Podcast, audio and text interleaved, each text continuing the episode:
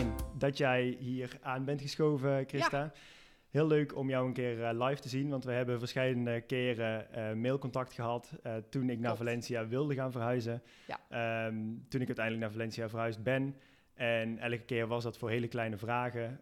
maar, maar jij als relocation adviseur, um, expert, ik weet niet hoe je het noemt. Relocation, relocation consultant. Consultant. Adviseur. Um, precies, ja.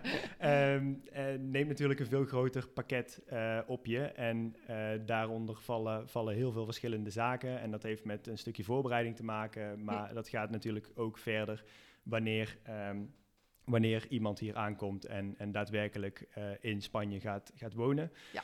Um, dus dat is uh, heel interessant, denk ik, om uh, voor, voor de luisteraars om daar wat meer over te horen. zou je zelf eens wat meer kunnen vertellen over wie je bent, hoe je in Valencia terecht bent gekomen? Ja, tuurlijk. Ik ben Christa. Nou, dat kunnen jullie ook zien natuurlijk ja. onder, mijn, mijn, naast mijn foto.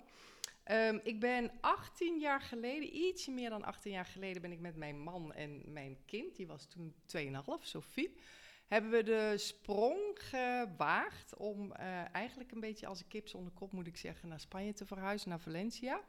Mm, ik heb daarvoor eventjes over mijn professionele leven. Ik heb heel veel banen gehad. Ik ben uh, als freelancer heb ik gewerkt als stage manager bij de opera voor de televisie. En um, natuurlijk heel veel met mensen gewerkt, ook vanuit de hele wereld. Uh, natuurlijk toen niet weten dat ik ooit relocation consultant zou worden. Um, toen wij hier naartoe verhuisden, waren natuurlijk allerlei dingen die wij ook niet wisten. En toen hebben wij zelf een relocator hebben wij in de arm genomen. Mhm. En uh, daar zijn we toen ontzettend blij mee geweest, want anders hadden we steeds terug moeten naar Spanje. Dat kost ook geld. Uh, plus ook de onzekerheid van ik spreek de taal niet, ik ken de bureaucratie niet. Ja, ja mooi om als, uh, ja. om zon, als kip zonder kop te verhuizen, terwijl je nu ervoor zorgt dat dat proces vlekkeloos verloopt bij, ja. bij anderen. Want ja. Je bent dus uiteindelijk zelf als kip zonder kop, zeg je, maar uiteindelijk wel iemand in de arm genomen om daar professioneel mee, mee te helpen. Ja. dus we hebben een huis aangekocht, die heeft ons geholpen met de begeleiding van de aankomst van het huis. We hadden toen een huis gevonden via een particulier, dus geen makelaar. Mm -hmm. En um, het scheelt ja, 3.500 euro volgens mij hebben nou, we nog het, uh, meer. Ja, precies. Ja, 3 in procent. Ja, ja, in de, in de podcast met, uh, met Erwin besproken inderdaad wat de ja. fees zijn van makelaars en dat ze die vaak nog onder elkaar, uh, onder elkaar onder verdelen. Elkaar ja, nog verdelen. Precies, ja, ja, ja, En sommige makelaars, ja, die verdienen 6% Dat is een goed, dat is een goed werk. Hè? Maar goed, daar komen we nog op terug. Ja. Um, en dat op een gegeven moment is mijn tweede, dat moet ik er wel bij vertellen, mijn persoonlijke situatie. Want ik had bij de opera kunnen gaan werken, vrij snel. Maar uh, na anderhalf jaar, toen we hier kwamen, 2006, is onze jongste zoon geboren. En Thomas Mhm. is geboren met Down-syndroom. En uh, ja, dat was natuurlijk een ander ding. Hij lag vaak in het ziekenhuis, dus ik kon niet Ja. werken. Hoe lang, hoe lang woonde je hier voor, eh, toen hij geboren werd? Uh, anderhalf jaar. Anderhalf jaar. Ja. Oké, Dus, dat, ja. is, dat is, dan heb je snel een, een levensevenement gehad eh, Ja. toen, je, toen je verhuisde. Want Ja, dat, ook dat. eh, ik kan me voorstellen dat dat lastig is om door die hele molen heen te gaan. Een kind krijgen alleen al, maar wanneer iemand Down-syndroom heeft, dan komen daar natuurlijk extra zaken bij kijken. Ja. En ja. ik kan me voorstellen dat dat veel, eh, veel druk heeft opgeleverd. Heb je ooit getwijfeld ook aan je, de verhuizing naar Spanje daardoor? Uh, nou, dat, om heel eerlijk te zijn, ik denk dat iedereen dat wel eens soms heeft. Dat je Ja. denkt van, wat doe ik hier in godesnaam? Ja. Dan kijk je om je heen en denk ik, ja, we wonen in een prachtig dorpje, Gilet, in, aan de, in de bergen, net ten noorden van Valencia. Maar inderdaad, Thomas, de geboorte van Thomas en het hebben van een kind van, uh, nog een klein kind, dat was best veel. Maar aan de andere kant, ik ben ook wel weer iemand uh, dat ik denk van, oké, dit is het leven. Dus, nou ja, hè, ik moet hiermee door. Ja. Klaar. Dus we gaan ermee door. En uh, net toen hij dus een half jaar oud was, kreeg ik die baan aangeboden. Want ik wilde wel heel graag gaan werken. Ik had dat ook voor mezelf zo bedacht. Maar ja, het leven laat zich niet altijd plannen zoals jij dat uh, hebt bedacht. En uh, toen dacht ik van ja, maar ik wil wel heel graag wat met mensen doen. En toen dacht ik ook weer aan die relocator. Ik denk, nou, dat is wat ik heel goed kan doen. Ja. En toen ben ik in 2009, eigenlijk net voor de, in de crisis, heb ik uh, de website de lucht ingegooid. Toen was er nog niet zoveel. En in 2012 is het, uh, is het gaan lopen. Ja, gaaf. Dan is het uh, de, de, je, je tweede crisis in, uh, in Spanje die eraan komt waarschijnlijk. Ja. Vervelend. Het was, die, ja. Want, die, want dat is natuurlijk, we hebben daar in Nederland veel last van gehad van die kredietcrisis in 2008. Maar hier is dat, toen ik aankwam hier, dat is in 2018 geweest volgens mij toen was nog het, het staartje van de crisis, ja. merkte je nog, hoorde je overal om je heen. En je zag ook dat pas net voor COVID de, de huizenprijzen bijvoorbeeld weer ongeveer op het niveau waren van, uh, van 2007 of zo. Ja, ja dat is ja, uh, nog niet eens. absurd ja. traag om teruggekropen. Ja, nog niet eens waren de huizenprijzen. Um, in 2007 was het echt een, een dat noemen ze hier de burbuja, de, mm -hmm. de, de hele grote zee, zee, ja, bubbel, makelaar, real estate bubbel prijzen die gingen zo hoog. En nu zijn ze nog niet eens, bijna nog niet op dat niveau. Kun je nagaan. Dus, uh, uh, maar dan loop ik weer even vooruit op, de, op het andere verhaal, zeg maar, ja. over die prijzen. Um, en dat was voor mij inderdaad ook de reden om, om Moving to Valencia op te zetten. En in juist door de crisis waren die prijzen zo laag. En toen zijn er mensen hier gaan komen natuurlijk was het fantastisch om te investeren. Ja. En ook uh, omdat het in andere landen, en ik werk ook veel voor Amerikanen, um, is dit natuurlijk toch nog steeds een soort walhalla. In Spanje ook met name voor de gezondheidszorg is natuurlijk hier veel goedkoper. En uh, ja, en toen is het... Uh, gaan rollen. Gaan rollen. Focus je ja. je vooral op, op de provincie Valencia of zit je uh, reikt, uh, reikt je gebied verder dan dat? Nee, ik ben echt uh, op de Valencia zelf en de, de regio eromheen. Dus ik ga ook niet vaak naar Gandia bijvoorbeeld. Oké, okay. oh, dat is al, want Gandia voor de luisteraar, dat ligt, dat ligt een uurtje rijden hier vanaf Valencia. vanaf Valencia. Ja. Ja. dus, dat, dus dan is dat een redelijk beperkte, beperkte cirkel. Gewoon een, een ja. werkgebied waarin je dan Waar ik zelf goed ook, gespecialiseerd ja, bent en precies. waarin je precies weet wat er, wat er speelt. Ja. Dat is wat, bewuste keuze ook, neem ik aan. Ja, ja. ja want anders kost het je ook heel veel uh, reistijd. Ik bedoel, even naar Alicante is... Uh, ja. En daar heb ik ook geen... Uh, ja, tuurlijk. Ik, wat ik wel kan doen is online. Dat heb ik wel eens gedaan met mensen die in Alicante gingen huren. Ja. Want ik, ik weet heel veel van de huurcontracten van de wet. Dus dan toen ben, heb ik ze online geholpen. Dus dat kan ik wel, als mensen dat vragen. Uh, maar ja, inmiddels heb ik het, uh, ben ik zo volgepland dat ik zeg, ja, Alicante, ja. ga maar, uh, zoek daar maar iemand. En er zijn nog niet zoveel relocators daar. Dus misschien dus is het luisteraars. wel een idee om, ja, om daar wat te beginnen of, of samen te werken, ja. Want je, je verhuisde en had je toen meteen het idee van ik ga permanent in Spanje wonen? Of had je voor jezelf besloten van we kijken dit een jaar aan en, en we zien het wel? Nee, wij waren echt dat we, we hadden ook een huis gekocht. Oké. Okay. Uh, dus we hadden zoiets, oké, okay, het, het is nu of nooit. Ik was toen ja. uh, 39, ik ben inmiddels, dat kunnen jullie uitrekenen hoe oud ik nu ben. Um, en we hadden ook zoiets van, nee, we gaan nu. Sophie, die was toen twee, onze, mm -hmm. die is nu twintig. Die eh, heeft de hele scholen, daar kan ik straks ook wel wat over vertellen. En uh, ja, we hebben het gewoon volgehouden hier. Ja. De familie vond het niet zo leuk, maar uh, die zeiden jullie komen weer terug. Ja, en, maar, maar die, vind, ja, die zijn natuurlijk ook... Uh, ik kan me voorstellen dat dat, dat, dat extra gewicht geeft wanneer er, uh, wanneer er kinderen voor, uh, voor ja. ouders en kleinkinderen in het spel komen. Ja. Dat, dat, ja, dat dat extra gevoelens losmaakt. Ja. Als je met z'n twee alleen bent, ik denk het misschien in jullie geval, dan kan je altijd nog beslissen, oké, okay, het lukt niet, ik ga makkelijk weer terug. Met kinderen kan je dat nu natuurlijk ook doen. En zeker met kleine kinderen kan je nog best wel um, af en toe wisselen. Ook, dat verschilt ook per kind. Mhm. Er zijn kinderen die helemaal niet zo goed... Het is natuurlijk een waanzinnige verandering. Uh, zeker als ze in de puberteit zijn, zeg ik altijd van ja, niet te veel... Uh, nee, niet te veel pendelen. Nee, want dan, dan is de hele identiteit staat op het spel, sowieso al. En dat is best een heftige verandering voor, voor hè, ja. in die leeftijd. Hoe ja. zie je die leeftijdsgroepen ongeveer? Wanneer is, dat, uh, wanneer is het volgens jou iets wat, wat goed te verantwoorden is? En wanneer zijn wat meer vormende jaren waarin dat, uh, dat lastiger is in jouw ervaring? Vanaf middelbare school, vanaf 13 jaar, 12, 13 jaar. Omdat je dan, uh, ja, de kinderen die zijn zichzelf soms helemaal kwijt. En groepvorming is heel belangrijk. En dan moeten ze ineens in een, uh, in een nieuwe school met, met een hele andere cultuur. Waar Spaanse kinderen die zeker in die leeftijd, die mi- m- eh, hoe zeg je dat? Die mixen niet zo snel. Nee? Nee, dat merkte ik zelfs aan mijn eigen dochter, dat ze dat ook niet deed. Oh, nee? Echt spaat gewoon bij je eigen clubje blijven. Ik denk dat trouwens dat misschien ook wel in Nederland ook zo. Maar in Nederland zijn we wel wat gewend aan heel veel nationaliteiten. Mhm. Hier is dat ietsje minder. Komt langzamerhand, maar dat was 18 jaar geleden absoluut niet Ja, zo. nee, dat kan Ja. me goed voorstellen. En vooral wanneer je, ehm, je hebt dat natuurlijk niet de keuze zoals je die in Valencia stad hebt, eh, waar, waar jullie heen zijn gegaan. Want daar is waarschijnlijk, eh, zijn daar enkele of één middelbare school. Eén, in het dorpje was een middelbare school, maar dat was Valenciaans. Dat is natuurlijk een ander Oh ja. ding. Ja, dat schiet niet op. Ja, en wij hebben gekozen toen om Sophie, die ging wel meteen na een maand, moest ze naar de guarderia, dat is de crash. Mhm. En eh, ja, ze kwam thuis en toen moest ze dat middagslaapje nog doen. Dan liep ze echt woorden te gillen van kwaadheid, frustratie, echt Tomma! En, eh en ombre, dat waren de woorden die ze kende. Dus ik denk, oh god, wat doe ik haar aan?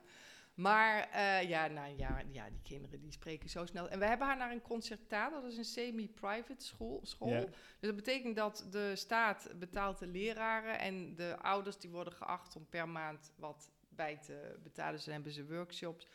Wij zijn absoluut niet religieus, maar eh, via een buurvrouw die ook, eh, zij zijn ook toevallig muzici, ook heel toevallig. Mhm. Die wonen 50 meter verderop. En toen de tijd kwam dat Sofie naar de, de kleuterschool kon. ehm, toen zei ze, ja, mijn kinderen zitten daar op een prachtige school in de bergen. Maar het is wel heel erg religieus. Ja. Nou, toen ben ik daar naartoe gegaan, met ze gepraat. En ik in mijn, eh in mijn koeterwaal Spaans. Ik zeg, hoe is dat? Hoe, hoe, hè, hoe moet ik dat zien? Gaan jullie haar brainwashen of zoiets? Heb ik op zijn Nederlands heel direct gevraagd. Hij zegt, nee, maak je daar maar niet druk over. 70% wat hier komt is, hè, heeft deze religie niet. ja. En ik keek ook een beetje En wanneer ze de school afgaan, is er nog 10%. Ja, ja, zoiets. Nou, Sophie, die kwam wel op een gegeven moment thuis, misschien wel een leuke anekdote. Mama, je moet nu ook, eh, ze was acht of negen. Mama, ik, ik vind dat je moet, eh, je moet ook gaan rezaren. Rezaren is bidden. En toen heb ik tegen haar gezegd, ik zeg, Sophie, dat doe ik nooit. Maar als jij dat wil doen, dan hè, moet je Ja. dat gewoon doen. Oké, nou, toen heeft ze dat één avond gedaan. En toen verder is ze daarover nagedacht, heeft ze het niet meer gedaan. En op een gegeven moment kwam ze ook thuis. En toen zei ze, mama, Marcos is, is mi mejor amigo. Marcos is mijn beste vriend. En, of nee, Jesus is mijn eh, es mi mejor amigo. Ik zeg, God, ik zeg, eh, en dat betekent Jezus is mijn beste vriend. Ik zeg, Mhm. God, ik dacht dat dat je klasgenoot Marcus was. En toen keek ze me aan en zei ze, ja, ja, dat is ook zo. En toen heeft ze het daar verder nooit meer over gehad.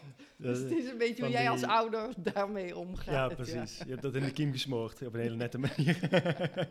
Nee, ik heb dat- altijd gezegd, nee, als jij tuurlijk heel religieus wil, ja, voor, ja. precies, dan moet je dat lekker Ja, doen. Maar, eh, Maar wel inderdaad om die, eh, de, de verhoudingen te houden zoals die bij jullie eh, in het gezin eh, leven. Leven. En ook al zou ze het gevaar is, als, of het gevaar, het, dat is Klinkt heel sorry, dramatisch, ja. Als, als zij religieus had willen worden, dat, dat wisten we van tevoren. En dat laten we er ook vrij in, maar dat heeft ze niet gedaan. Oh, oké. Ja, dus, Nou. eh, en ze heeft een fantastische jeugd gehad. Ja. ja. Ah, gaaf. Ja. Dus jullie zijn, eh, jullie zijn gegaan met het, eh, met het idee van wij blijven, eh, wij blijven gewoon in Spanje wonen. Wij, worden Spaans. Je hebt natuurlijk ook andere, ehm, eh, andere vormen van, van verhuizen naar, eh, naar Valencia of naar Spanje.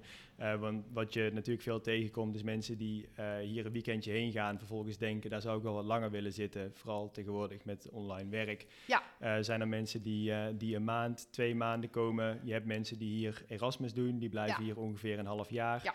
Ja. Dan heb je de categorie zoals Hanneke en ik dat waren. Van we zijn flexibel. we gaan kijken of dat het werkt. Ja. minimaal een jaar. En wanneer dat zo is, ja, dan zien we het dan wel weer. Ja. Eh, en de overtreffende trap is dus, eh, is dus jouw geval. Meteen eh het first erin duiken Ja. en, en een huis kopen. Ja. Ik denk dat, dat dat een beetje de, de treden zijn. En bij, welke categorie ehm, is, het, is het naar jouw idee ehm, goed om, om met jou, ehm, met, met iemand zoals jij, aan de, aan de slag te gaan met een relocation adviseur? De twee laatste. Dus als je Ja. voor een jaar, hè, jou, zeg maar, jij en Hanneke, of, of, of als je hier meteen wil gaan vestigen of meteen een huis wil kopen, dan, dan dat soort mensen. Meestal heb ik wel met mensen, als je meteen een huis wil komen hier te willen wonen, dan zeg ik wel van, weet je zeker dat je in die regio wil wonen, wil je het niet eerst nog even een jaartje Ja, aankijken. Dat probeer ik altijd wel uit te filteren, want het, ja, anders zit je met zo'n huis. Kijk, wij hebben gewoon als een kip zonder kop hebben het gewoon gedaan. En eh, we zijn ook heel blij geweest met waar we terecht zijn gekomen. Maar ehm, achteraf misschien hadden we, niet dat we er spijt van hebben, maar hadden we gezegd misschien van god, ja, misschien was het ook beter geweest om toch eerst te huren, ook voor een heel veel, eh, heel veel mensen. ja, Ehm, voor Erasmus-studenten, ja, die vinden hun weg wel via de universiteiten. En de twee maanden mensen, ja, je kan heel snel Airbnb of, of longer term of voor Ja. twee maanden iets huren. Maar voor langere termijn zeker. ja, ja, precies. Want, je, want bij misschien dat studenten of, of mensen die hier een stage komen doen of zo, die hebben waarschijnlijk al een, een NIE-nummer nodig. Maar Ja. daarmee ben je ook een heel eind klaar, eh, Ja. denk ik. Van dat Ja. veel meer eh, administratieve eh romslomp heb je dan niet. Niet echt, nee. Want je, je, kunt, ehm, je kunt gewoon via de website binnen de universiteiten of binnen de of de stages, je hebt best wel, zoals nestpick.com. Mhm. Eh, je hebt vrij veel websites waar je ook gewoon eh, kamers of eh, shared rooms kunt huren. Dat was heel goedkoop. Ik zie nu dat het wel allemaal omhoog aan het Ja. gaan is. Krankzinnig Helaas, duur geworden. De huurprijzen ook sinds, eh, sinds het begin van, die, eh, van COVID. Covid. Daarvoor was het echt nog prima te doen. Ja. En nu kijk ik op Idealista en op Spot, Spot the Home. Ja, Idealista is dus voor langere termijn, Spot the Home is voor middellange termijn. En als je dan nog een trapje naar beneden gaat, dan heb je Airbnb eigenlijk. Zo, Ja. zo zie Zo ik het. Het voor korte termijn.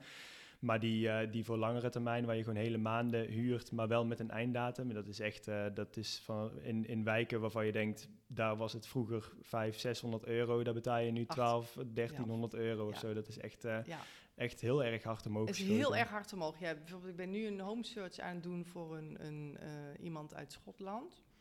En de, het goedkoopste is 800 euro als je een studio, studio 50 vierkante meter soms. Ja, En dat was eh, voor COVID, was dat, eh, kon je nog flatjes huren voor 450, 500, vier jaar geleden. ja. Het is echt, eh, echt abnormaal omhoog, maar volgens mij is de tendens overal. Dat zie je ook in Amsterdam. In, in Amsterdam is natuurlijk al vreselijk duur.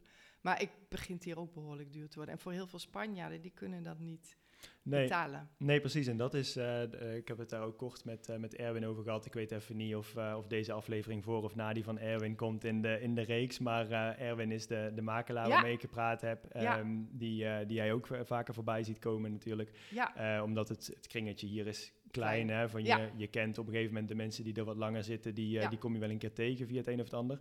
Ehm, met, met hem heb ik daar, daar ook over gehad dat het... ehm, eh, dat de, de, de- het ethische gedeelte daarachter is ook iets om, om te overwegen natuurlijk en, en om bij stil te staan in ieder geval. Want dat is, dat is waar wij zelf af en toe nogal van denken, ja, is, het, is dat nou helemaal eerlijk, weet je wel? Wij Ja. komen hier met, met buitenlands geld. Eh, de euro die je in Nederland verdient, eh, die is, eh, daar kun je hier meer mee, mee kopen, zeg maar. ja, Ehm, de- dus is dat, da- dan komen er scheve verhoudingen in zo'n stad. Ja. En dat is natuurlijk een resultaat van iets dat al veel langer aan de hand is. En niet Ja. iets wat je in je eentje kunt, eh, kunt stoppen. Maar het is wel, als je ja, die, die 800 euro voor zo'n eh, voor zo'n flat. Dat, als dat niet meer 400 euro is of 500 euro, dan betekent dat waarschijnlijk dat er, eh, dat er iemand tot zijn, eh, tot zijn 30ste of 33ste eh, bij zijn ouders, bij zijn wel. ouders woont. Ja. ja dat, dat noodgedwongen of, of een kamer moet gaan sharen. Ja, ik ben soms ook wel eens... Kijk, natuurlijk voor mij is het ook twee benen, net Ja. zoals wat Erwin ook zegt. Ehm, aan de ene kant ken ik natuurlijk Spanjaarden, maar ik weet wat de salarissen zijn. Bijvoorbeeld een vriendin van mij, die is eh, kinderjuf voor de, voor de, eh, de kleuterschool. En die verdient eh, netto netto 1500 euro per maand. Ja. Sorry. ja, maakt niet uit. 1500 euro per maand. En Ja. dan moet ze echt 40 uur verwerken. Ja. Ehm, en die kan niet meer dan, en die is alleen, alleenstaande moeder, dus die kan niet meer dan 500 euro huren. Dat is eigenlijk al een max. Ja. Ja, dat gaat bijna niet meer. Nou woont ze in, in, eh, buiten Valencia. En ik word soms, omdat ik natuurlijk ook veel Spaanse vrienden heb en weet wat de salarissen zijn, ik word dan ook wel eens boos, merk Ja. ik voor mezelf. Want ik weet natuurlijk, kijk, in Nederland is ook niet alles ideaal, maar goed, ik, in Amsterdam ken, heb ik ook vrienden, die wonen nog steeds sociale woninghuur. Dat systeem, dat kennen ze hier nog niet zo. Kijk, als we dat ook zouden hebben, dan, dan kan je nog... Er zijn wel subsidies die je kunt, nu kunt aanvragen, maar dat is maar voor twee jaar. Mhm. Eh, je hebt de bonus sociaal voor de jongeren tot 30 jaar, die, die even twee jaar als, ze als het ligt aan eh, een inkomen, die daar hè, dat kunnen aanvragen. Maar er is niet een structureel een structurele oplossing. Nee. Dus, dus ja, of je moet kopen, maar er zijn ook heel veel jongeren die hebben die zak met geld nog niet om te kunnen kopen. Ja, ook dat hebben we, ook dat Ja. hebben we eh, uitvoerig besproken. We hebben het daar eh, voor dit gesprek ook even Ja. kort over gehad toen, toen de microfoons eh, nog niet aanstonden. Maar dat je dus inderdaad, ehm, je hebt een, een huis van een ton, 10% daarover eh, is, ehm, Kosten, is kosten is kopen. Is de overdrachtsbelasting. Ja, en dan heb je Ja. advocaat. En dus wanneer ze daar meer over willen weten, dan kun je die, eh, die aflevering Ja. luisteren. Maar dat betekent inderdaad dat je, een heel, dat je heel veel geld nodig hebt om je eerste appartement te Ja. kopen. En dat is met lage lonen hier nagenoeg onmogelijk. Ja. Dat, in Nederland kun je 100% financieren. Hier is dat eh 80%. Ja. Dus je, ehm, je, je komt in een heel lastig... Ja, de, je ziet veel meer. Hier heb ik het idee dat, eh, dat de, de ouders en de familie daarin, eh, Ja. daarin bijspringen. En dat, dat, dat dat veel normaler is. Daar hebben Ja. we met onze Spaans docenten ook over gehad. Dat, dat, eh, dat zij daar helemaal niet zo raar van staat te Nee. kijken dat dat, gaat, dat dat gebeurt. En in. Nederland zou je veel meer hebben van... Jouw geld is jouw geld. Ja, en, zoek het maar uit. Ja, Met precies. 18 jaar, hup, het huis uit. ja, ja, maar dat en, en ook van wij, wij het, het is niet iets egoïstisch, denk ik, in Nederland, maar vooral het eh, niet, op, eh, niet potentieel op scherp willen zetten van, van sociale relaties in de familie. Van dit is, Nee. eh, wanneer daar geld bij betrokken is, dan wordt iets, dan komt er snel meer druk op te staan. Ja. Willen we niet, dus zoek het lekker zelf uit, Ja, want dan, dan ja. blijven we dezelfde verhoudingen En, houden. en de kinderen, die zijn ook, of de kinderen, de jongen zijn ook veel sneller zelfstandig. Kijk, hier zie je dat kinderen toch, eh, of kinderen, kinderen, dat ze nog bij hun ouders wonen en dat ze ook dat nest niet uitkomen. ja, En ook heel veel moeders hebben, zeker met eh, mannen of jongens tot 30 jaar, die wonen gewoon nog thuis. En ja, ik bedoel, dat is, voor ons is dat bijna ondenkbaar. Ja. Hè? Dus je hebt ook een hele andere maatschappij, die is natuurlijk ook veel meer eh, familiegericht. Maar ja, dat, dat huizenprobleem, dus dat is wat ik voornamelijk doe. Als mensen komen Mhm. bij mij met huren en verwachtingen, dan ben ik nu echt ontzettend realistisch. En zeg ik, oké, wat is je solvency? Eh, je moet nu echt drie keer eh, de huurprijs hebben. Het liefste hebben ze Spanish, eh, Spaanse salarisstrookjes. ja, Eh, want ze, ook door de, misschien heb je dat ook met Erwin overlegd, maar door de nieuwe wet die er is, of de wet, de, als een Okupa, dat is een, een, een Kraker. kraker, je huis binnenkomt en je bent niet binnen 48 uur heb je hem uit, je krijgt hem er niet meer uit. Ehm, of dat duurt heel lang. Ook mensen die niet meer zouden betalen, die krijg je er ook niet zomaar uit. Want rechtbanken die liggen vol met allerlei dossiers.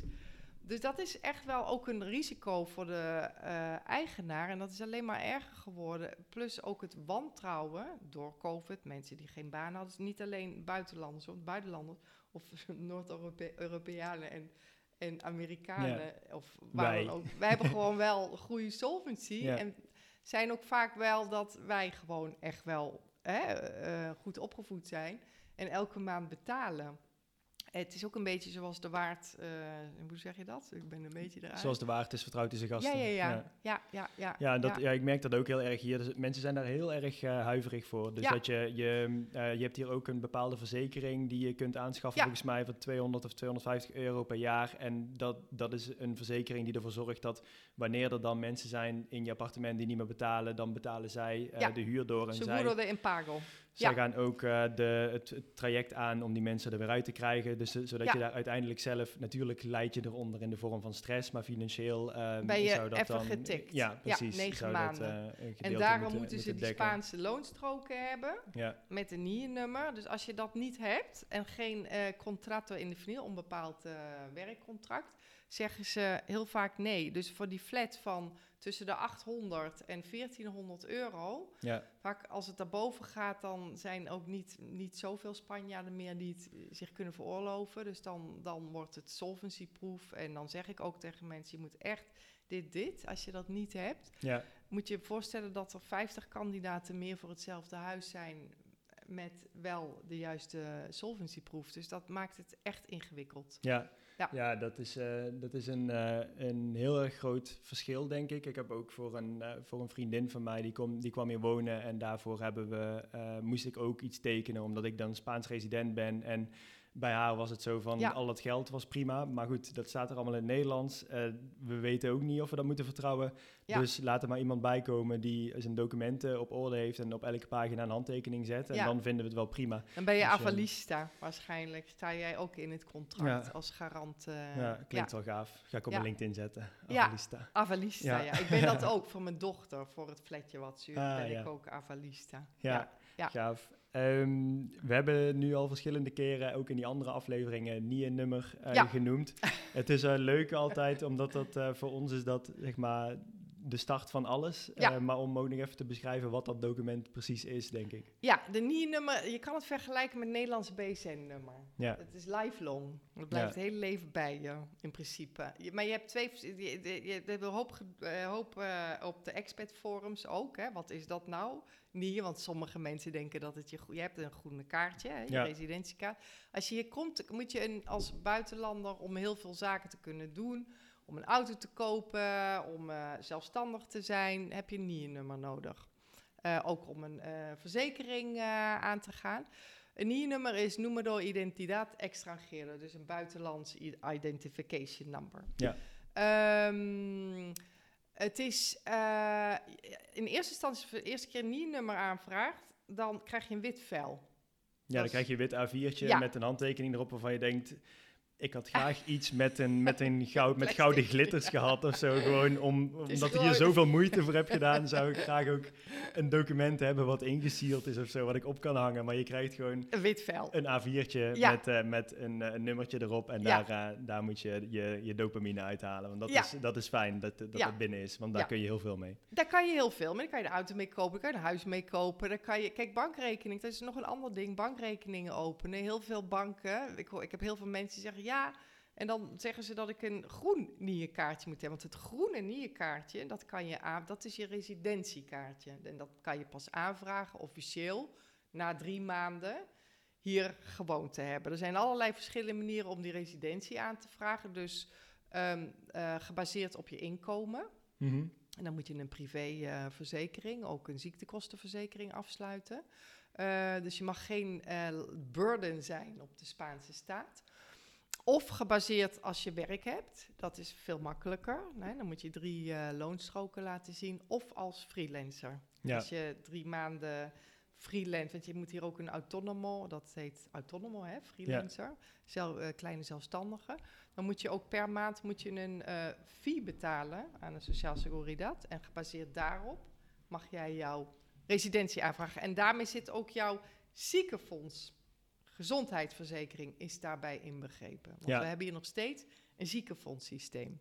Seguridad Sociaal. Ja, heb dat werkt prima, naar Ja. mijn idee. Van dat, eh, dat werkt best wel lekker. Je denkt in het begin, ehm, ik moet bijzonder veel betalen om hier freelancer te zijn vergeleken met Nederland. Maar als je Ja. uiteindelijk alles daarop telt, eh, daar zit een stukje pensioen in volgens Ja, mij, waarvan onze accountant zei, it's a cup of coffee. Ja, het is Van- 550 euro. Dus ik krijg geloof ik eh 550 euro als ik met pensioen ga. Dus dat is een kopje Ja. koffie. Precies, Ja. en, die, ehm, eh, en daarnaast eh, was het eh, een stukje Je ziektekostenverzekering inderdaad. ziektekostenverzekering voor de hele familie. Hè? Dus als, Ja. je, als je getrouwd bent of geregistreerd partnership en je kinderen, die kunnen allemaal op dezelfde ziekenfonds, zoals dat een beetje bij ons vroeger ging. Ja, Kijk, ik betaal 320 euro per maand om. ehm, er zijn verschillende staffels, maar ik betaal 320 euro per maand. Je begint, ik begon met 75 euro. Mhm. Ehm, ik krijg dan ietsje meer als ik bijvoorbeeld mijn been breek en ik zou mijn werk niet kunnen doen.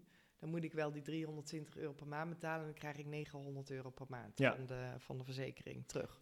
Er zit inderdaad pensioen, stukje opbouwpensioen, maar dan moet je minimaal 15 jaar moet je betalen. Mhm.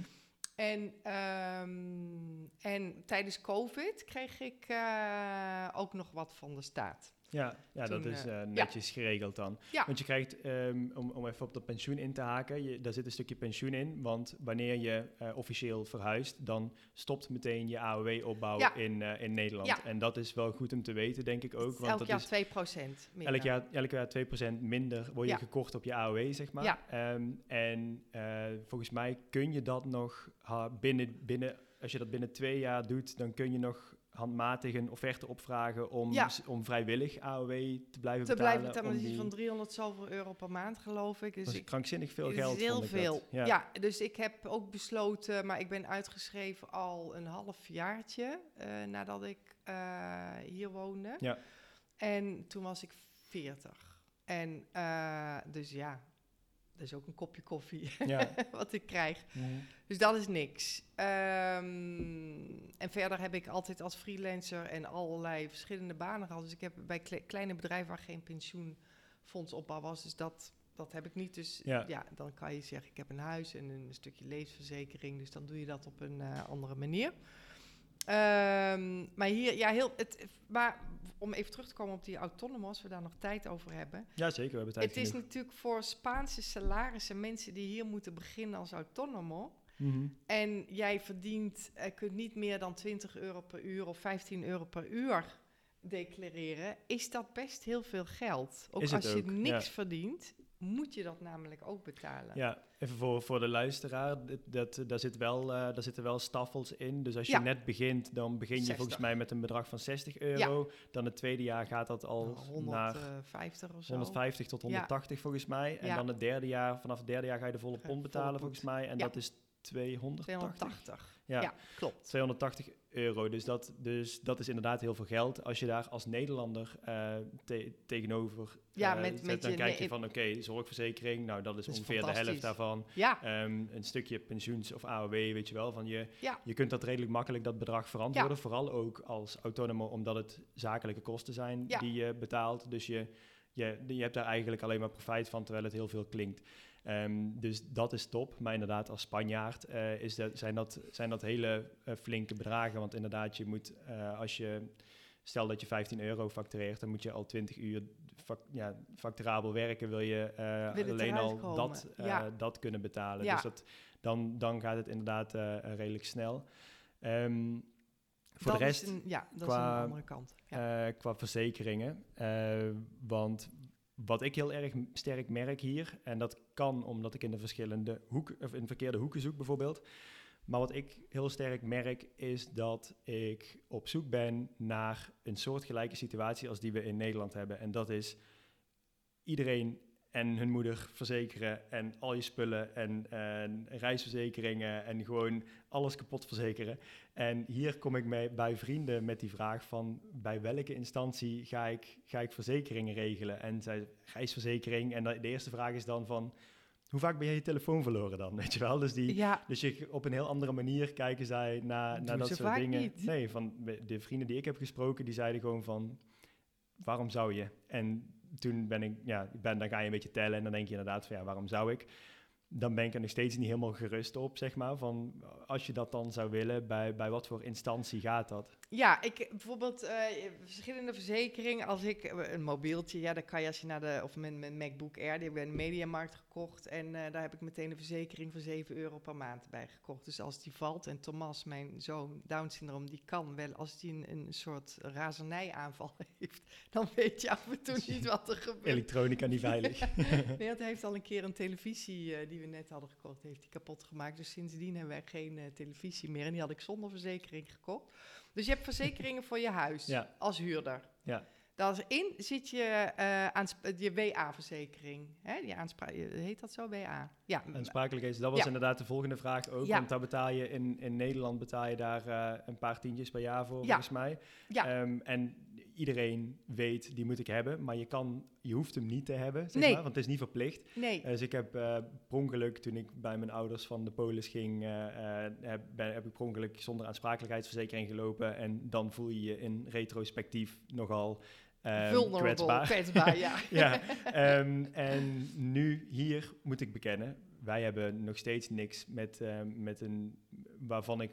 Wij hebben nog steeds niks geregeld waarvan ik weet dat datzelfde principe eronder hangt. Maar ik ga er maar vanuit dat ik dat wel heb. Dat, eh, maar heb jij, jij huurt een huis of heb je een huis gekocht? We hebben een huis gekocht, ja. heb je een verzekering in je huis? Een hui- ja, zo'n eh, die, die verzekering die De is bij een, ja, die is bij een, hypo, bij een hypotheek eh, Ja. verplicht. eh, Dan moet je stellen. goed kijken, want waarschijnlijk zit er wel in, in die verzekering staat of 600.000 of 300.000. eh, eh, hoe zeg je dat? Responsabilidad civil. Dat is je, Oh, oké. dat is je, eh, ehm WA-verzekering. Die zit erin, dus jij bent verzekerd. Dus als je bij mij komt en Ja. je gooit je voetbalt en mijn raam gaat stuk, ben jij verzekerd. Nou, top. Wel, Ja. be- bedankt voor dit consult. Ja. Schep rust. Ik ga dadelijk even mijn polis erop Doe naast eens slaan. even, maar meestal is dat erbij eh, Ja. inbegrepen. Ja, dus precies. want dat, daar, zitten, daar zitten best wel, eh, best wel wat, wat verschillen in. En Ja. je, eh, ik merk dat wanneer je hier als, eh, als Nederlander aankomt, dat je, je, ik, eh, begint te twijfelen van... Is dit een cultuurverschil of is dit een praktisch verschil, zeg maar, in... eh, ehm, dus bij, bij verschillende verzekeringen verschilt dat natuurlijk. Ja. Maar je hebt snel het... eh, bijvoorbeeld bij die reisverzekering, ja, volgens mij is dat een cultureel dingetje en zeggen zij van ik heb dat, eh, ik heb dat niet gedaan of als ik, Ik heel ver weg ga, dan doe, ik dat, dan doe ik dat voor die specifieke reis. Maar Ja. ik ga niet een doorlopende reisverzekering Nee. hebben. Nee. Eh, maar bij zo'n WA-verzekering is het dus zo dat die vaak onder andere, Ja, andere zaken die worden zitten, ja, die zitten meestal met een, met een, een, een, een, een huisverzekering zit dat erbij in. Ja. dus Ehm, ook wanneer je een appartement huurt. Ja, Ja. dan kun je dus als eh, huurder heb je een huisverzekering voor alleen voor de inboedel. Want als jij een huis huurt, ben jij ook verantwoordelijk voor de inboedel Ja. van de eigenaar.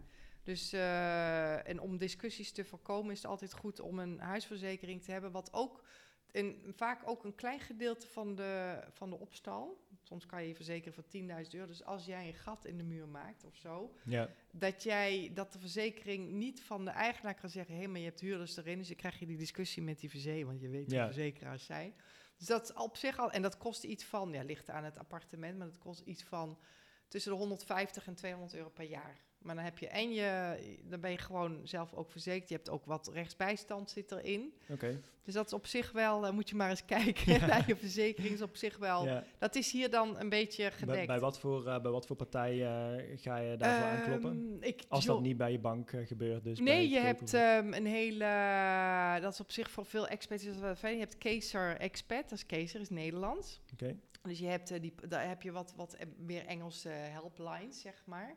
Kezer Expert Insurance, je hebt, eh, nou, je hebt de grote, je hebt de Mapfre, je hebt uh, heeft de eigen eh, verzekering. Dus elke bank, die, dat is natuurlijk heel slim, want dan, als je een huis koopt, maar misschien heeft Erwin dat ook verteld, dan moet je vaak een cheque meenemen hier nog. Of Ja. een immediate transfer. Die cheque, dat kost geld. Dus vaak een, dat kan tot 1000 of 1500 euro kosten. Vaak voor heel veel mensen een soort onvoorziene kostenpost, die ze gewoon Ja. pas op het laatste moment horen ze dat. Als je dan een productje van die bank afneemt, dan gaat die cheque weer naar beneden. Dus dat, vaak heb je dat dan via de bank. En dat is op zich prima. Je kan altijd na een jaar kan je hem opzeggen. Ja, En eh, dan pak je een komt er wel een beetje rente bij. Ja. daar, daar wordt dan mee gespeeld natuurlijk. Ja. Ja, Ja, ja dat, is, eh, dat, Ja. is, dat is een groot punt, denk ik, met, eh, met verzekeren. Ik denk dat het dus goed is met je pensioen. Eh, wanneer je daadwerkelijk verhuist, wat volgens mij ongeveer verplicht is na zes tot acht maanden, daar hebben we het met Anje ook over. Ehm, dan, dan stopt je, je opbouw van, Ja. je, ehm, pensioen. van je pensioen in Nederland, Ja. de, je AOW. Ja. Ehm, en, dan, ABP ja, en dan begint dat hier Ja. eigenlijk. Maar die teller begint dan richting de 15 jaar te tikken voordat je daar wat aan hebt. Aan dat, eh, aan aan hebt. dat pensioen. Dus dat is goed om te weten. Ja. Eh, die verzekeringen, daar, eh, ja, dat is dus wat uitzoekwerk. Maar daar, daar zitten verschillende zaken. Die zitten onder een polis bij Precies. bijvoorbeeld een hypotheek of bij een, bij een Kijk, verhuurcontract. een reisverzekering. Heel, en heel veel Spanjaarden. Ik, ken, ik heb een hele goede vriend van Spanjaard. Die heeft een huis, heeft zijn huis niet zeg, maar Wil, eh Guillermo heet hij. Je moet je huis verzekeren. Nee hoor, nooit iets gebeurd, doe ik niet. Ja, En dan, ja, dan denk ik echt, ben ik net zoals jij. Ik zeg, ja, maar dat kan toch helemaal niet? ja, En hij zegt, nee, ik doe het niet. Het kost me 300 euro per jaar, die, die, die, die, dat doe ik niet. Dus dat doet hij gewoon al, al 20 jaar niet. ja. Dat ja. is voor mij inderdaad, net als jij, is ondenkbaar. Ja. Ja. ja, precies. Want wanneer je wanneer, bij een hypotheek is dat natuurlijk verplicht. Omdat Ja. die bank die wil daar ja, die wil geld zien wanneer iets Ja. in de fik vliegt. Ja, Eh, maar zelf kun je er natuurlijk voor kiezen om dat, eh, om dat helemaal niet te doen. nee, hij Eh, doet het niet. Dus hij doet het gewoon niet. Dus ja, nou ja, dat is, dat is ook wel. Maar Spanje is natuurlijk wat dat betreft een beetje, of ja, ik weet niet hoe je dat moet zeggen, is dat Mhm. opportunistisch of manjana, we zien het wel. Ja, Hè? ja, en dat is precies, dat, dat is denk ik wat je door de hele, de hele culturele lijn heen merkt. Ja. Eh, en ook de, de verschillen daarin met, eh, Ja. met Nederland. En dat is natuurlijk precies waarom voor een gedeelte eh, jij en ik hier, hier wonen. Ja. En je, je merkt heel erg dat je daar, je, je wordt daar door de buitenwereld hier in Spanje ook beschermd voor je Nederlandse blik. Want anders dan zou je hier weer exact hetzelfde gaan doen als dat je in Nederland deed. en maar dat kan niet. nee, als je dus met een vriendengroepje zit te praten en je zegt van, jongens, reisverzekering. En iedereen zegt, ik ga op vakantie in Spanje, toch? Van wat, waarom zou je, hoe waarom vaak, hoe vaak doen? ga jij weg dan? Weet je wel? Ja. Dat je, dan Ja. zijn er van die hele luchtige vragen, waardoor je inderdaad denkt van, ja, inderdaad. dat- ik heb het ook niet. Nee, Nee. nee, precies. Dus dat is... eh, dat ik heb is wel een, eh, ziektekosten, of je blauwe kaart, je Europese kaart. oh ja, Die, die, die, en dat is een ding, die moet je steeds elke twee jaar. Hè? Dus dat, je hebt je tarjeta SIP, dat is je ziekenfondskaart. Dan heb je je blauwe kaart, geleerd en ziekenfondskaart. Die moet je elke twee jaar even updaten. En dat is hier maar twee jaar. Dus dan, als je die dus niet hebt geüpdate ja. en je krijgt iets in het buitenland, ja, dan ben je niet verzekerd. Ja, precies, want dat is je Europese, je Ja. Europese kaart, zeg Ja. maar. Dus hier in Spanje inderdaad krijg je je SIP, je SIP-kaart. En dat is waarmee je hier naar, eh, eh, naar Een dokter. een, een dokter gaat. Waar je dus overigens nooit een eigen risico betaalt of zo. Want Nee. je, je hebt die Seguridad Social die je betaalt, waar we het net over hadden. Ehm, dat is je Spaanse kaart. En het equivalent daarvan, als je in het buitenland bent, dat is je blauwe kaart. Ja. Heb ik niet. Goed om te weten. Ja, kan je Eh, daar- opvragen ja, via precies. de site Ja. online. En zo, en dit is denk ik ook wel een mooie, ehm, een, een, een mooie conclusie aan heel dit, eh, aan heel dit verhaal. Dat ik dus die blauwe kaart nog niet heb, terwijl ik hier nu 3,5 jaar eh, ben. Dat, en ook dat naar is, Nederland gaan. Ja, precies. En ook naar Nederland gaan inderdaad. Dus dan ben je in principe in het buitenland. Ehm, maar dat het... Wat ik vaak merk is dat wanneer mensen hierheen willen, die willen dus, zoals ik net ook zei, die willen alles dicht timmeren en alles geregeld hebben. Hoe Ja. kan ik me zo goed mogelijk voorbereiden? Maar het is naar mijn idee ook een, een proces is dat een je proces. elke keer kom je een stapje verder en heb je een documentje extra. En het heeft totaal geen zin om alles in Nederland al, al rond te willen krijgen, naar mijn het, idee. Nee, het NIE-nummer, ja, daar kan je bijvoorbeeld het niet. Als je, hier- als je eventjes heel in kort, hè, als Ja. je hier wil komen, dan moet je denken, oké, ik moet een NIE-nummer hebben en ik moet een Spa als je long-term wil komen, hè, Ja. lange termijn, een Spaanse bankrekening openen.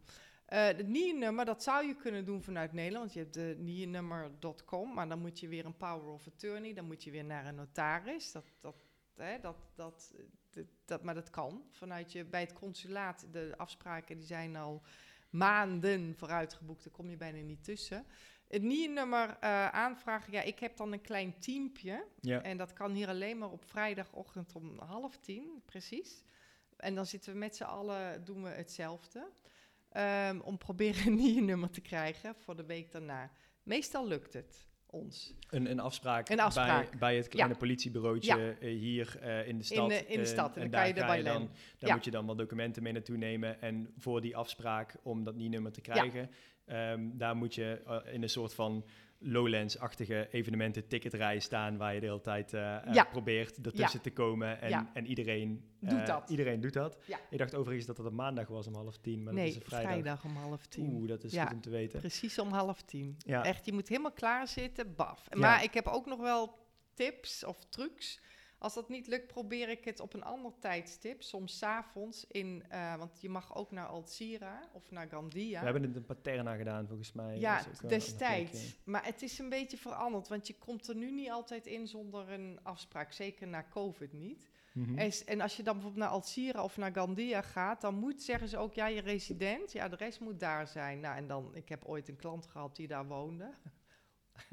Wat ik nu ga verklappen, dus ik gebruik dan dat oude adres. Of ik kijk gewoon even op Idealiste. Oh, daar, dat wil ik Oh, gewoon ja. aan. Dat checken ze niet namelijk. Dus je kunt Oh, gewoon whatever adres kun je invullen. Dus als je maar dat niet een nummer hebt. Dus zo heb ik klanten van mij ook geholpen. Ja. Ehm, als het niet lukte hier in, eh, in Valencia. Dan, het, zodra je hier bent, als je iets wil huren, maar ook als je koopt, je hebt een bankrekeningnummer nummer nodig.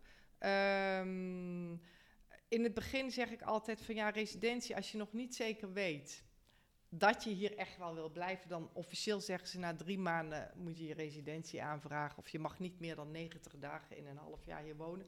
Ik zeg altijd, kijk het even aan, want niemand Nee. controleert je, zeg maar. Dus ehm, dat is iets wat je bijvoorbeeld na een jaar kan doen. En dan weet je ook van, hé, hey, eh, hoe, eh, als je je business nog in Nederland hebt of niet. Ik heb altijd zoiets, een, een marge van een jaar. Misschien zegt Anjo, oké, na acht maanden moet je dat doen, maar dat ligt een beetje aan je eigen situatie. Ja. Om dan die hele bureaucratie eh, in te gaan. Ja, en ook een andere, dus accepteer dat dit een andere cultuur is, dat de dingen niet gaan zoals in Nederland. Ik heb heel veel klanten die zeggen, ja, maar dat doen we bij ons in Engeland, of dat doen we niet zo. En dan zeg ik, dat weet ik. En dan herhaal ik weer van, ja, maar dit is echt anders.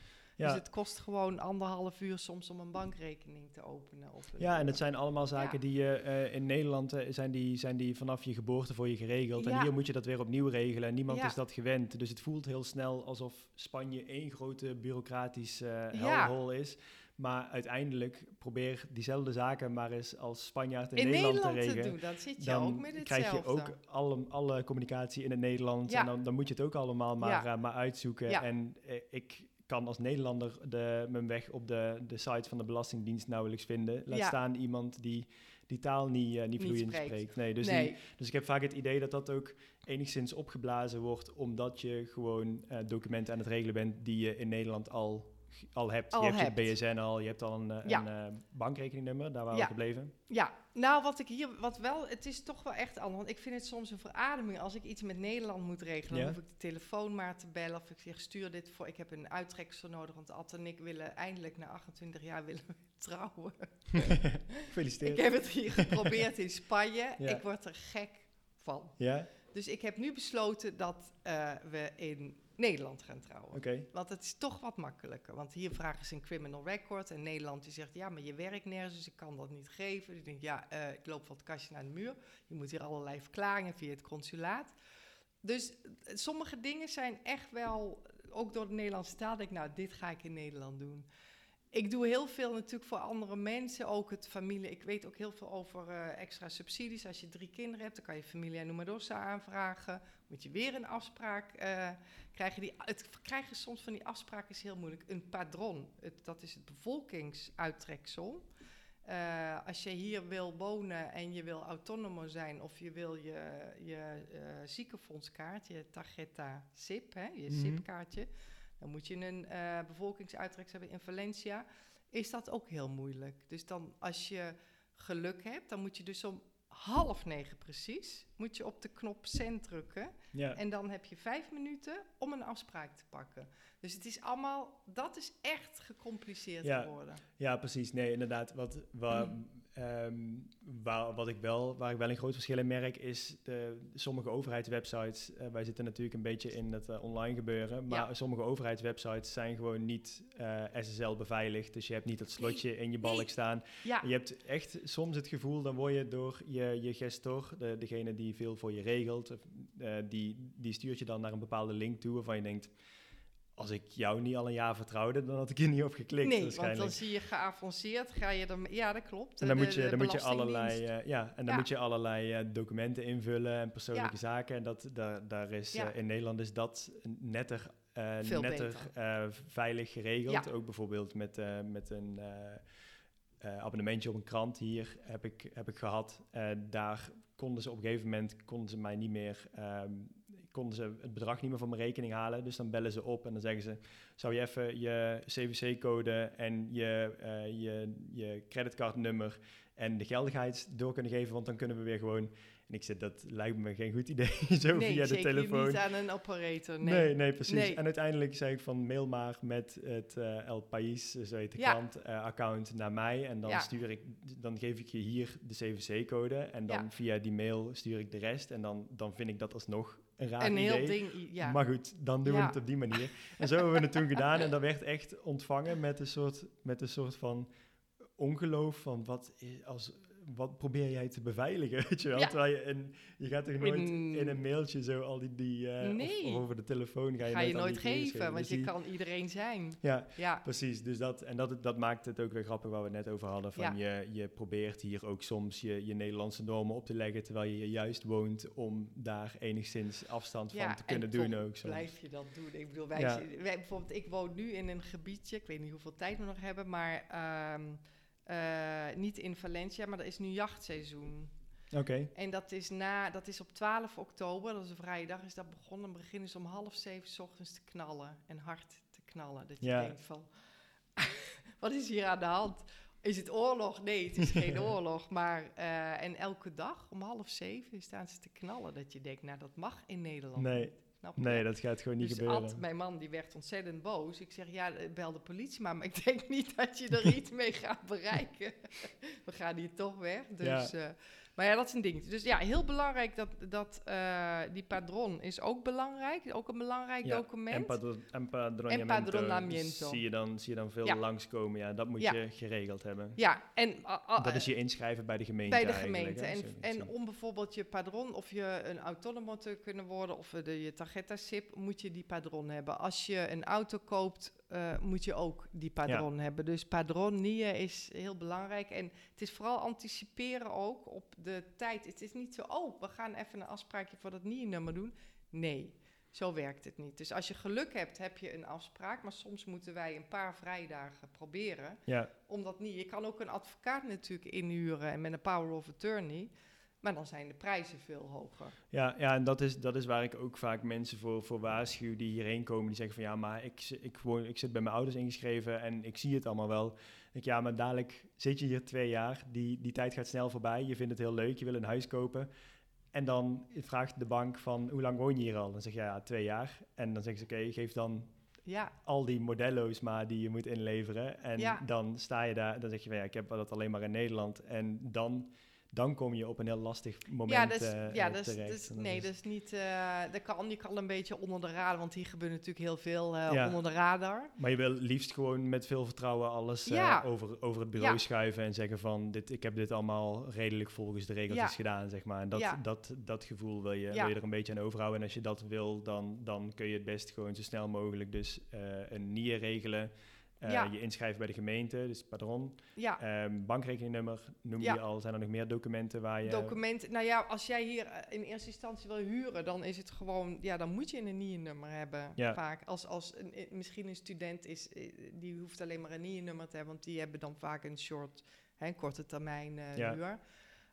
Um, maar zeg maar even de laatste, want die groepen die... die, uh, die de, dat zijn niet mijn klanten, dus echt mensen die hier willen komen. Ik heb ook heel veel Amerikanen die dan met een non-lucrative ja, visa. Zou je iets meer in je Sorry. microfoon kunnen praten? Sorry, Super. Ja. dus Amerikanen. de editor heel veel werk. Oh jee.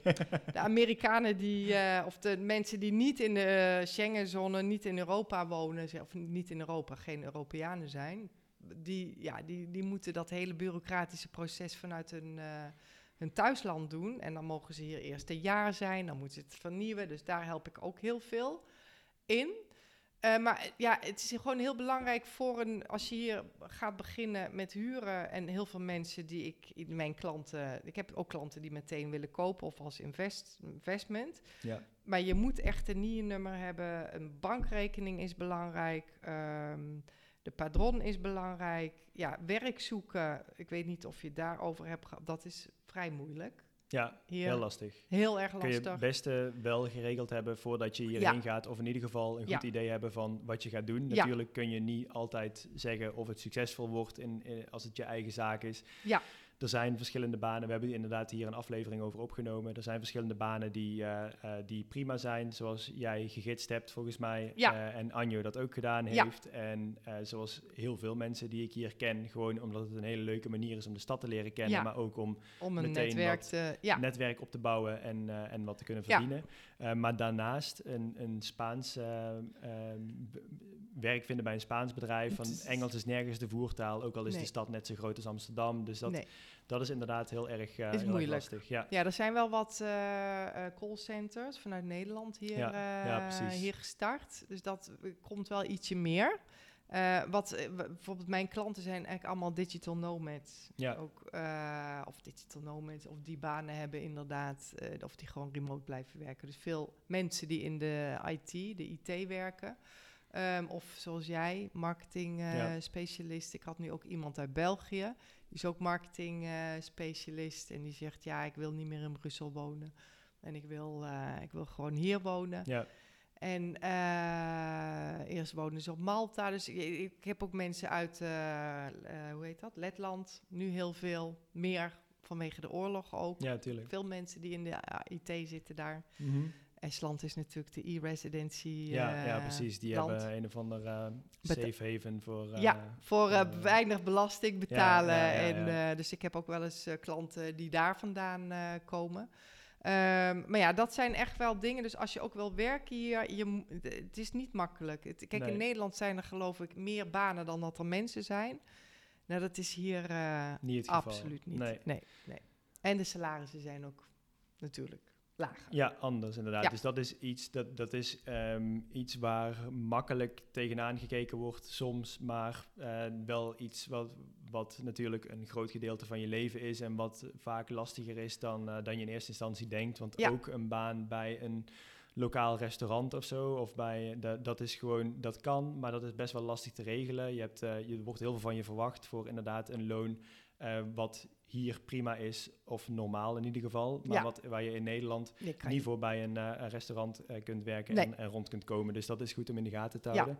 nee, Ehm, salarissen liggen echt een, eh, lager. Een concrete, een concrete vraag. Een, eh, eh, een auto Ja. heb ik in Nederland. Eh, en ik wil naar, eh, naar Valencia verhuizen. Ik ben Ja. gehecht aan mijn auto.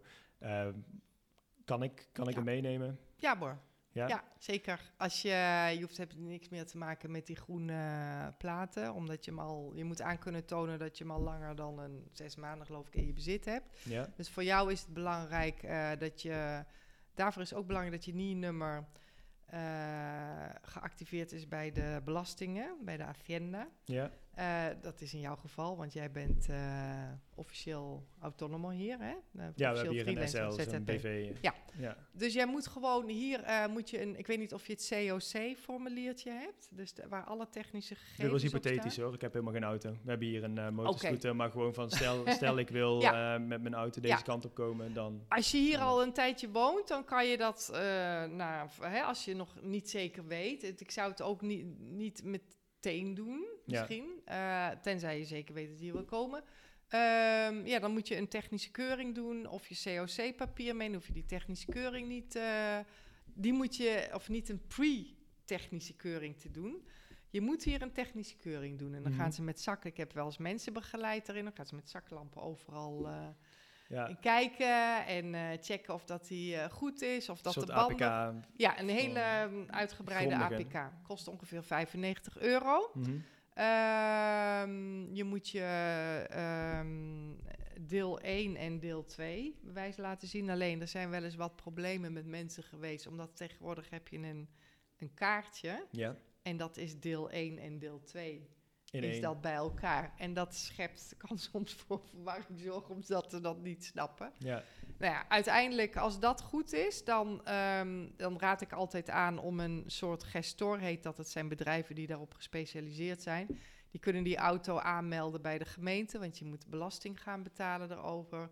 Bij de, je moet een soort eh, belasting gaan betalen over de uitstoot. Mhm. En eh, bij de, het verkeersbureau, de wegenbelasting traffic en eh, Wegenbelasting is niks. Ik betaal zeg maar voor mijn. eh, ik heb nog steeds een diesel. Eh, ik betaal. hon- nee, wat betaalde ik? Ja, 100 euro per jaar. ja, ja, dat, Niet is, eh, dat is niet Ja. veel inderdaad. En de verzekering kost. die heb ik bij Kezer, een all risk met eigen risico, 300 of kleine 400 euro per jaar. Dus die verzekeringen hier zijn veel goedkoper. Ja. En de belasting is veel goedkoper. Ja, Ja. Dus over het algemeen genomen Is dat eh, veel goedkoper? is het eh, bij een auto. Ja. Ja, precies. Want over het algemeen, over het volledige leven genomen, dan valt het allemaal wel. Volgens mij is het, is het Mm. enigszins te vergelijken met, met Nederland. Ja, toch? ik denk, ik denk dat verzekering, ik weet niet meer hoe duur huisverzekeringen zijn ook met in belastingen Nederland. over loon en zo. Belastingen, dat soort, ietsje minder. iets minder. Ja. ja. Ik heb ook mensen eh, geholpen onlangs die voor Amazon werkten in Berlijn. Mhm. Voor de, en Amazon, eh, die heeft, eh, die, zij wilde graag naar eh, Valencia. En ook met, met name vanwege de winter en de gasprijzen die natuurlijk omhoog schieten daar in. Duitsland. En die zeggen van ja, we hebben nu eh, behoorlijk wat meer netto inkomen op hetzelfde bruto inkomen, zeg maar. ja, Dus precies. Spanje Ja, is lager. Ja. Ja, pin ons er niet op vast. Het zal per, per verhaal verschillen. Maar, maar vaak kom je net iets gunstiger, gunstiger Ja. Oké, en eh, wanneer, je, eh, wanneer je wil gaan verhuizen van is er, en, en je zegt van oké, ik ga gewoon, ik zit in die laatste twee categorieën, weet je wel, van ik ga Ja. een jaar of langer, ik ga in ieder geval voor onbepaalde tijd Ja. naar Spanje toe. Ehm, heb jij een ballpark figure uh, waar je rekening mee zou moeten houden van dit, dit zou ik als reserves op mijn, op mijn rekening hebben, omdat je een, dit bedrag ongeveer kwijt bent aan al die ja, al, al die verhuizingen. Ja, als jij een, ligt eraan wat je, wat je, hoe je gaat verhuizen. Kijk, als je met Stel dat je alles, uh, alles laat je thuis. Gewoon van je, je, zegt, uh, je zegt je appartement op. Uh, ja. je, je meubels, die, die, kun, die kan je zusje goed gebruiken. En je gaat met het vliegtuig naar Valencia. Okay. en hier ga je al je, als, als stel, ga je, ga je beginnen. beginnen ja. Als jij, ligt eraan of jij inkomen hebt, ja of nee. Ja. Hè, waar je van leeft. Uh, als je een relocator in wil schakelen, zoals ik, ja, dat kost natuurlijk ook geld. Het hoeft natuurlijk niet. Wij hebben zeg maar een relocator ingeschakeld en een verhuisbedrijf. Dus uh, het is een beetje moeilijk. Als je zegt, ik wil op mijn savings, ik wil ook resident worden, dan moet je hier uh, per persoon iets van zeg maar 10.000 euro solvency hebben op je bankrekening voor één persoon. Ja. Um, als, je, als je gebaseerd doet op je solvency.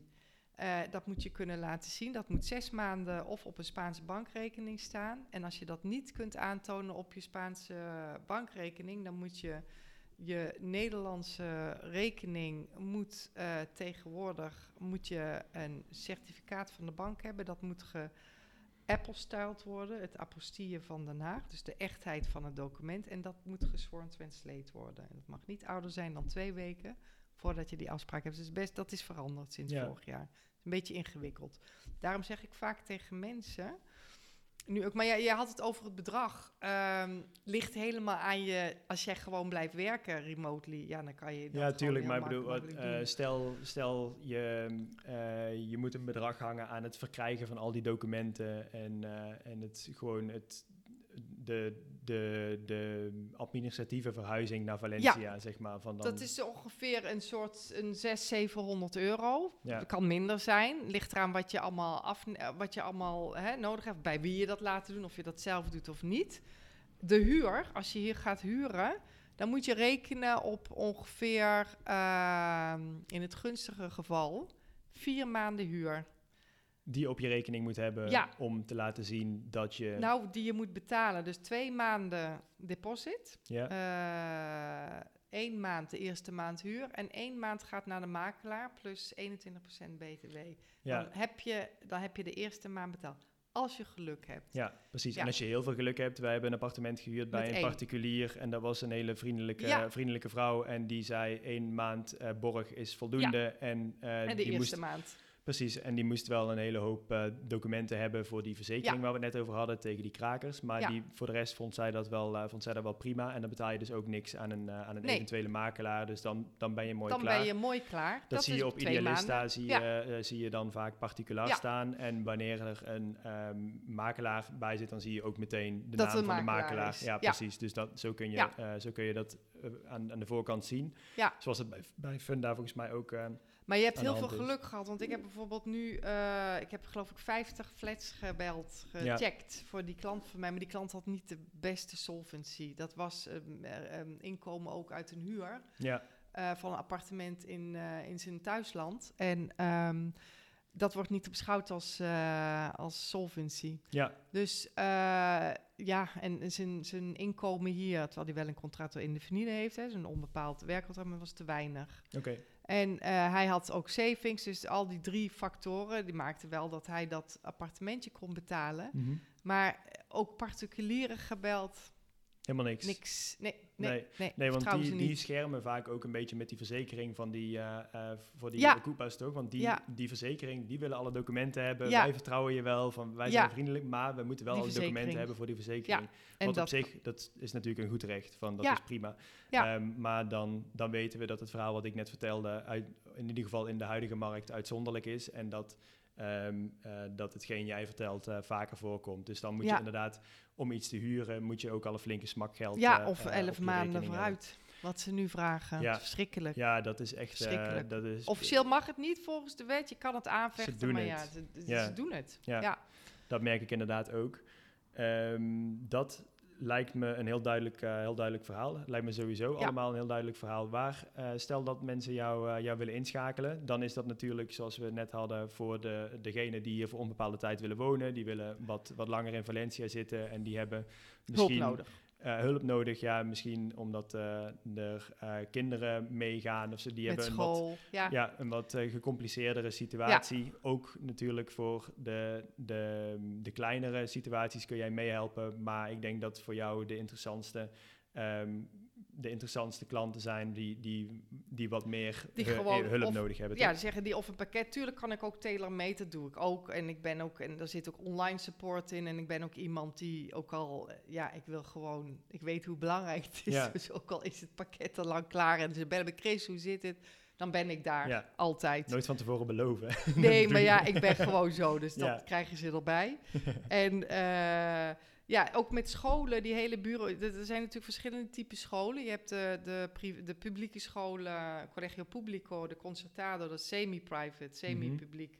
En de private schools, de privéscholen. De privéscholen, dat kan je zelf doen. Maar ik heb ook wel eens klanten die zeggen: Christen, wil jij alsjeblieft ook die privéscholen? Want ze reageren niet. Ja, Dat is weer he- het heel erg Spaans. En dat is iets eh, wat ik altijd doe. Ook al kan ik niet altijd iets zeggen, ik probeer toch altijd te antwoorden. Ook al kan hè, altijd visualiseren: oké, we zitten hier, ik heb nog geen nieuws. Maar ik, ik zie jullie, ik weet dat jullie er zijn. Ja, dus, ja. En dat doen de Spanjaarden over het algemeen niet zo. nee, veel, veel minder van dat. eh, die, Je moet soms ook gewoon een Blijven- paar keer erachteraan bellen om, eh, om bovenaan Chasen. stapel te blijven. Ja, Blijven precies. jagen. Ja, Ja. en dat, eh, dat is iets wat je al- als Nederlander misschien niet gewend bent. Nee. Dan stuur je een mailtje en dan ga je keurig wachten. Zo drie, vier dagen en er komt niks binnen. Nee, Dus dat, dat is inderdaad nog een, een goede tip over het algemeen, maar dus ook Ja. in, in het specifiek bij, bij Ja. de scholen. Ehm, die, om, om nu nog heel even door te gaan over die scholen, van in, hoeverre zit daar eh, die, die eigen bijdrage die je levert, die is dus bij eh, privaat, is dat natuurlijk veel meer dan bij die public schools. Ja. En hoe zie jij die, de, de prijs-kwaliteit verhouding van die drie stappen, zeg maar? ja, dat is natuurlijk heel subjectief. Want eh, natuurlijk heb ik heel veel Daarvoor klanten. zitten we hier. Ja, hè, het is heel subjectief. Maar ik heb klanten die hun, hun kinderen, ook vanwege de situatie, omdat ze misschien weer weggaan, die gaan naar een international school. Dan heb je de American School de, hè, in, in Poesol, Ja, Zit Eh, Ja. Cambridge. eh, je hebt de Shackleton, je hebt ook verschillende Montessori-scholen. Al die scholen die hebben een soort ehm prijzen, pot, pakket. Mhm. Van eh, vanaf klein, vanaf twee, drie jaar, kost ongeveer 600 euro school fee per maand. En daar komt nog wat bovenop. Je hebt eh, de Commodore, eh, dat is dat ze 's middags eten. Hè, want je, de kinderen blijven hier op school van 9 tot 5 vaak, Ja. bij de internationale scholen. Als ze geen zomervakantie hebben. Als er en dan de zomervakantie is van 22 juli tot en met 12 september, of tot 12 september is veel te lang, dat is echt afschuwelijk. maar, ehm, en dan heb je natuurlijk de publieke school. Eh, eh, het ligt ook heel erg aan de school. Ik heb ouders die, eh, die ik ken, die vinden de Amerikaanse school echt helemaal niks. Mhm. Maar het ligt ook een beetje aan wie je zelf bent, hoe de leraar is ehm, op dat moment. Ehm, natuurlijk zijn er privéscholen, de kinderen blijven Engels praten. De 70% is Spaans, wat Mhm. erop zit. En 30% is buitenlands, expat. Ja. Dus, ehm, Dus daar, is, daar moet je rekenen op een 600 euro eh, plus in de, in de maand. Ja. 700 euro in de maand. ja, Ja. het ligt eraan wat je erbij hebt. Ik heb bijvoorbeeld ook kinderen, die waren pubers, 12 en 13 jaar waren ze toen, of die gingen naar een middelbare school. Die gingen naar eh, een school in Eliana, Jalle heet Ja. die. Dat is een bilingual school. Dus die moesten ook Spaans erbij leren. En eh, ja, dat kostte dan ook weer per kind iets van 80 euro per maand om nog extra Spaanse les te ja, krijgen. pakketten. De schoolbus kost ook En 150 dit was semi-pri- semi-private? Nee, dat is was, privaat. Dit was privaat. private. Oké, Ja. private. Ja. En, en dan zit je daar, dus dan heb je, private is 600 euro plus alle bouwstenen die je Ja. nog op hebben. Dat, eh, Ongeveer. dat, ja, Ja. om en nabij. Ja. Eh, en semi, semi-private, daar Dat is concertado, dat verschilt. Ik betaalde bijvoorbeeld toen Sophie naar eh, haar school ging, betaalden wij 90 euro per maand aan schoolgeld en 140 euro per maand aan Commodore. Want het was een vegetarische Commodore. Oké, Het was ja. een, een religieuze, een, een christelijke beweging die vegetarisch zijn. Ehm, totdat het, eh, tot het moment dat Sofie zei, mama, ik wil het niet meer. Dus toen mochten we zelf het eten meegeven. Toen betaalde ik 20 euro. Maar goed, normaal gesproken hebben de mm, eh concertaders, die, dat is een vereniging van ouders, Mhm. wat je betaalt eigenlijk. Dat is de AMPA. En dat, ik, nou ja, ik betaalde 90 euro. Er zijn scholen die betalen 120 euro. Er zijn scholen die betalen 60 euro. Concertaders en concertaders die betalen 30 euro. Dat ligt helemaal aan de Ja, school. Ehm, ehm, dan heb je de publicos en de concertados. Dan heb je een heel ander, ehm, hoe noem je dat, registerproces. Dat zijn dus de publieke. Ja. Zo, dat, dat is, we zijn nu in het trapje van private, Private naar naar de- semi-private, naar, ja. publiek. Ja. Ja, en semi-private en publiek hebben dezelfde registerprocedure. Dus je moet een, eh, uiteindelijk een padron hebben. Je krijgt puntensysteem, dus hoe dichter je bij de school zit, hoe meer punten je krijgt. Voor de concertados zijn vaak wachtlijsten. Mhm. Eh, dus het is ook niet altijd gezegd dat als jij die school kiest in het centrale register, de admission procedure in mei, juni, dat jij die school ook krijgt. Want Nee. schooldirecteuren gaan soms met elkaar ook eh, overleggen van een bepaald district. Oké, ik heb nu kinderen die spreken nog geen Spaans. Ik heb er eigenlijk geen ruimte voor. Ze hebben ons gevraagd als eerste, maar hebben jullie daar meer ruimte voor? Dus het wil nog niet zeggen dat jij ook Ja, Die school wordt onderling nog een Ja. beetje geschoven soms. Ja, ja. Zoals we hier gewend Ja. Ja. En je moet rekenen met de publieke school dat de helft is Valenciaans. Oké, Ja. ja. De Valenciaans als in? Als, als, als taal. Dus ja, je precies. krijgt, dat, is eh, wel, dat is wel een- belangrijk, want er, er is natuurlijk een heel groot verschil tussen uh, Castellano, zeg- noemen ze dat hier, gewoon Ja. Spaans-Spaans, zoals wij dat in Nederland Ja. zouden zeggen, en Valenciaans, dat is gewoon... is een- Dat ja, een dialect. Zeggen, maar dat, Ja, is ja, dan mag je ook maar dan niet zeggen we. Valencia. Nee, want Catalaans is een officiële... je, je krijgt een klap voor je kop. Het Catalaans, dat is een officiële taal. En het Valenciaans is een dialect. Maar de, Valenciaan die ziet het net andersom. Dus dat ligt erg gevoelig. Vergelijk het maar een beetje met Feyenoord en Ajax. Ja, ja, ja. Dat is een beetje hetzelfde. Eh, maar goed, bijvoorbeeld mijn dochter, Sophie, die spreekt Valenciaans, Spaans, Engels en Nederlands. Dat, eh, dat Valenciaans is op zich, heel veel mensen denken, oh, dat is niet zo erg. Want vaak spreken de kinderen op de, in de speel, zeker de speeltuin, zeker in Valencia, spreken gewoon Castellano. Ja, Ja. precies. Ja, Ja. maar als, als de helft Valenciaans is, kan ik me wel voorstellen dat dat, dat, dat weer een extra laag om te leren is. Zeg maar. Ja, dat, eh, dat maar- wel veel. Je moet geen kinderen onderschatten. Ik heb bijvoorbeeld, om een voorbeeld te noemen, ik heb een, een, een Engelse familie begeleid in 2020. Die begonnen in COVID, in Ja. september. En, ehm, of 2021 was het, ik weet niet meer precies. Ja, en eh, die zijn begonnen, nee, 2020. En die zijn ehm, begonnen op een, op een publieke school. Die, eh, de helft Valenciaans met maskers. Het meisje was zes, de jongen was elf. Die zat, ging naar de zesde klas. Maskers, lerarenmaskers op. Dus die kinderen konden ook niet de mimiek zien. Mhm. ik, ja, mijn hart, ik dacht echt helemaal van, oh shoot, weet je wel. En die mensen die hadden die school gekozen, was dicht bij hun huis. En ik was best wel heel erg bezorgd, als, als moeder ook. Niet alleen als relocator, maar omdat je dan voelt wat het moet zijn. En ehm, nou, in het begin, ja, ja, in het begin vonden ze het wel moeilijk. Maar ik zag ze na zes maanden, omdat ik hun, hun rijbewijs had geswapt, zeg maar, Ja. net voor de brexit een feit was. En eh, toen kwam ik het meisje tegen en die begon tegen me te praten in het Spaans. In het Engels met een Spaans accent. En op een gegeven moment begon ik Spaans met haar te praten. En ze sprak ook Valenciaans. Dus ik was echt helemaal van wauw. En die jongen ook. Ja. Dus het, die kinderen die kunnen echt zo snel al die dingen oppakken. Dat is ongelooflijk. Dus Ja, ik als moeder zou me daar geen zorgen over maken. Nee, ja, Nee. dat is eh, iets heel moois om, eh, om mee te geven inderdaad. Ik merk dat ook bij een, een vriend van mij komt uit, eh, uit Londen. Zijn vrouw is Valenciaans. Ze hebben twee kinderen. Wij gaan daar in Eliana mee lunchen en, en even in een, in een zwembad verblijven in augustus hier. En eh, uiteindelijk, dat meisje is, eh, is een paar jaar oud en zij, eh, zij begint tegen mij te praten in het Spaans. En op de een of andere manier hoort zij dat dat mij niet helemaal vlekkeloos gaat. En zij, zij switcht een kind van vier of zo. Switcht gewoon op die, naar Engels. Ja, die gaat naar Engels toe Ja. en dan met, met dat Londens accent van haar vader Ja, ook nog, weet je wel. Dus die, ja, dus. Dat, dat is inderdaad iets wat, wat niet te onderschatten valt. Nee, en wij zijn in Nederland ook best wel al Engels en, en Nederlands. Ja. Ehm, maar het, het, ja, hier spreken ze dan ook twee talen, Spaans en Valenciaans. Het is echt wel anders, het Ja. Valenciaans. Ze zijn wat, wat, het lijkt soms een beetje Portugees, Italiaans, Frans, Spaans. Ja, Maar ehm, er zijn heel veel ouders die, die zijn daar soms eh, eh, bezorgd over. Maar meestal als ze weten dat een kind nog geen Spaans kan, dan focussen ze meer eerst op het Castellano. En pas daarna meer op het Ja, Valenciaans. precies. Ook goed om in de gaten te houden natuurlijk. Ja. Of goed, goed om te weten dat Ja. Die kinderen er ook zitten om het te leren. En Ja. dat dat niet, eh, dat, Nee. ja, laten we dat niet uit het oog verliezen Ja. inderdaad. Duidelijk. Ja. Super. Mensen willen jou inschakelen. Waar gaan ze naartoe?